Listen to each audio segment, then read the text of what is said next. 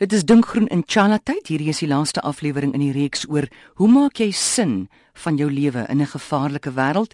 Dave Peppler het verlede week gesê: "Raak soggens stil, kom buite, raak bewus van die natuur.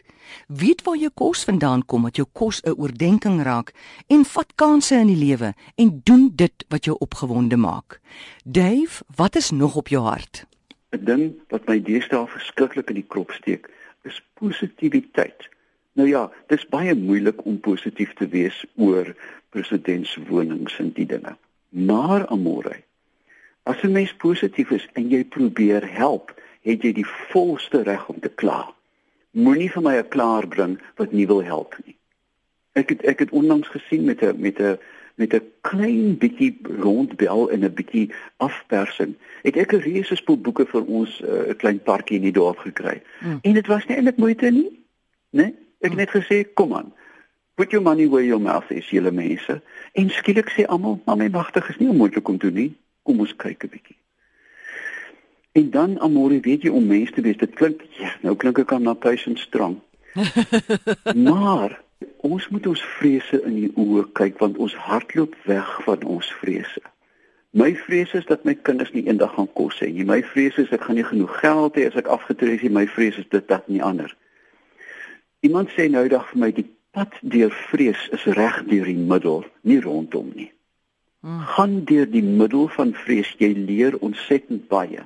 En dit is nie is kan die amore om te huil nie, veral nie vir mans nie. En dan wat van vrywillige werk?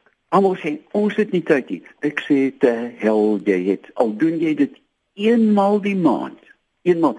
Daar is huise waar vrouens en kinders wat eh, deur hulle mans verniel is, gaan so intoe en sê mense, het julle iets nodig? Kan ek vir die kinders 'n storie vertel net eenmal die maand?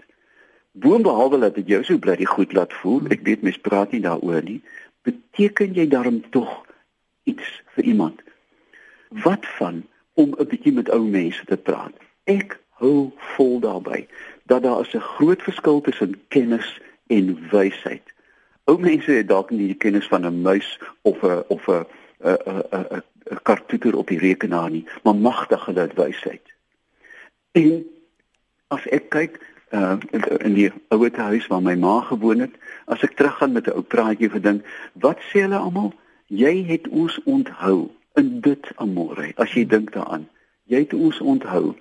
Dit is 'n bitter klein gebaar, eenmal elke maand. Klein gebaar, maar jy sê vir hulle ons lewe ook. En dan, jy weet daarby kom ook dinge soos leer iets nuut om vadersnaam, jy weet ons moenie ophou leer nie. Leer 'n nuwe hmm. uh, stokperdjie of 'n tegniek. Uh, kan jy 'n uh, uh, Franse soufflé bak? Jy weet dis mos 'n onmoontlike bloody ding. Kan jy 'n geposeerde eier in in 'n in 'n pot kookwater, jy weet, jy roer jy hom reg, leer iets.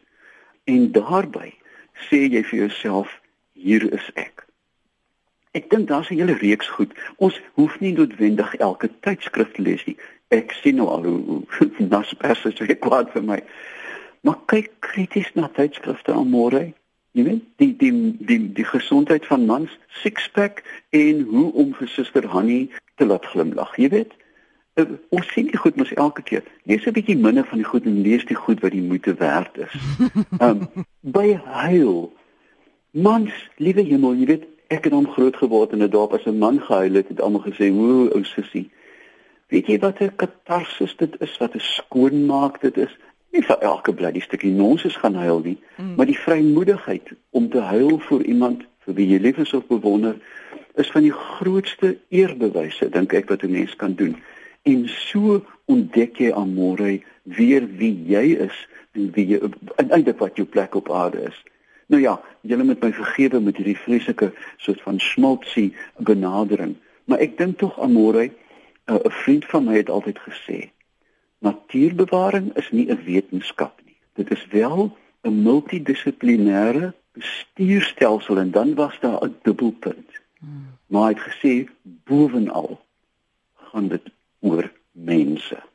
Dave, ek wil graag hier parallelle trek met die groot kunstenaars en sangers met wie ek al onderhoude gevoer het.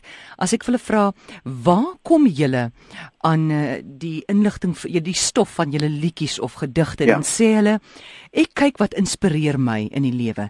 Ek kyk wat maak my tans kwaad, wat maak my uh, gelukkig, wat ook al. En dis daai mense wat werklike kuns skep en ander mense inspireer. En dan kry jy iemand wat um, nie eintlik ander mense uh, hengse inspireer nie. Ek praat van 'n kunstenaar.